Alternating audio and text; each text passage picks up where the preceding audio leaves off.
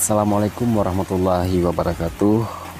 Dalam kondisi hujan dan saat ini saya sedang berada di Empang. Saya ingin membuat episode yang ketiga di tantangan 30 hari bersuara. Untuk episode yang ketiga bertopik keputusan. Jadi menurut saya keputusan itu adalah suatu tindakan akhir yang diambil berdasarkan kesimpulan dari apa pun persoalan di belakang dan apa pun hal di belakang. Di sini saya akan mengambil sebuah contoh ataupun sebuah pengalaman saya tentang uh, mengambil sebuah keputusan. Di episode yang kedua, saya pernah mengatakan bahwa saya pernah menjadi seorang jurnalis dan akhirnya jurnalis itu dan akhirnya profesi jurnalis itu saya tinggalkan akibat eh, hal-hal uh, yang akan saya bicarakan saat ini. Jadi ketika itu saya mengambil sebuah keputusan untuk meninggalkan profesi jurnalis karena saya melihat profesi itu agak sedikit bertentangan dengan naluri saya. Walaupun awal-awalnya saya itu sangat tertarik dengan profesi jurnalis, saya ingin tahu bagaimana uh, profesi tersebut. Makanya saya berkecimpung di dalamnya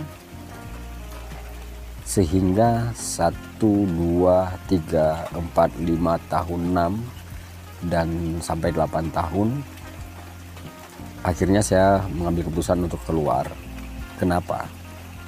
Karena sebenarnya saya ingin sangat tidak ingin tahu tentang orang lain pada dasarnya. Apalagi harus mengulik-ngulik ataupun harus memang sengaja mencari tahu detail tentang orang tersebut Nah, jadi ketika itu awal-awalnya saya iya mencoba mengikuti beberapa kasus misalnya kasus korupsi kemudian kasus-kasus yang lain. Eh, dan ketika itu lambat laun saya berpikir ngapain saya harus mengurus tentang hal yang demikian? Mengapa saya harus meneliti apa yang dilakukan orang lain. Nah belum lagi tentang uh, persoalan yang mungkin kita bilang apa ya kasus-kasus asusila gitu ya. Sehingga bagi saya ketika saya memberitakan tentang hal itu berarti saya membuka aib orang lain. Jadi oleh karena itu uh, belum lagi ya belum lagi uh, mungkin ada oknum-oknum jurnalis yang nakal yang sengaja memanfaatkan kasus-kasus itu untuk meraup keuntungan. Dan itu uh, tidak jarang lah kita tahu ya. Makanya ketika ada satu dua mungkin pejabat yang ingin memanfaatkan saya sehingga saya menutupi kasus tersebut dari pemberitaan saya mulai merasa bingung ataupun saya mulai merasa atau saya mulai merasa bimbang. Kenapa? Satu segi ketika saya mengambil uh, tawaran dia ya artinya saya melakukan satu kejahatan yaitu saya bisa disogok. Dan ketika saya juga memberitakan tentang hal dia kembali lagi saya itu mengulik-ngulik tentang orang lain. Nah jadi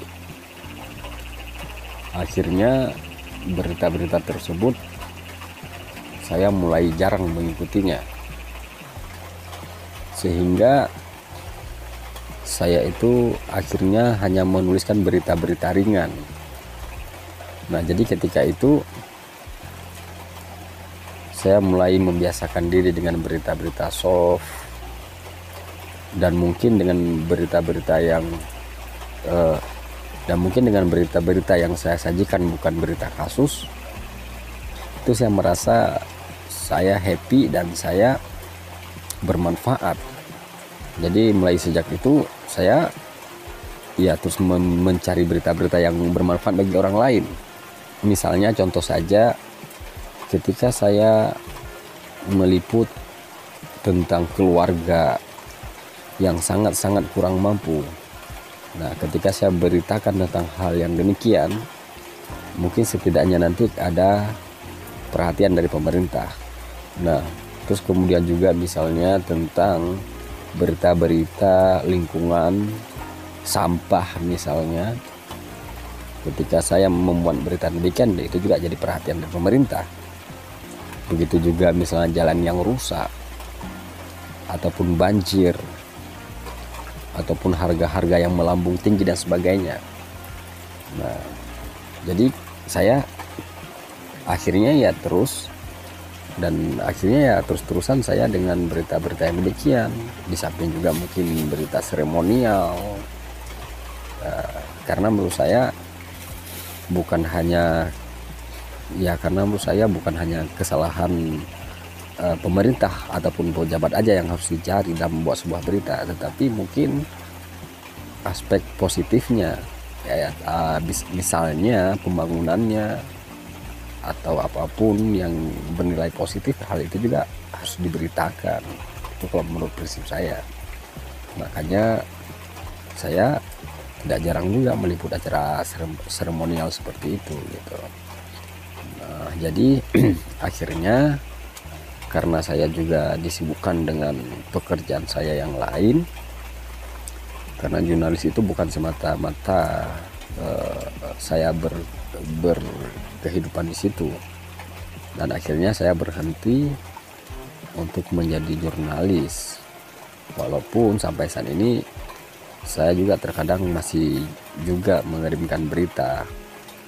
Ya walaupun bukan ke media tapi mungkin ke teman-teman saya yang sesama jurnalis dan itu tetap kembali lagi ketika kepada berita yang soft news uh, artinya bukan berita kasus seperti yang saya bilang tadi tentang lingkungan tentang sosial ataupun seremonial oke mungkin itu saja yang bisa saya ceritakan di episode yang ketiga ini di mengambil keputusan di tantangan 30 hari bersuara. Ya akhir kata Assalamualaikum warahmatullahi wabarakatuh.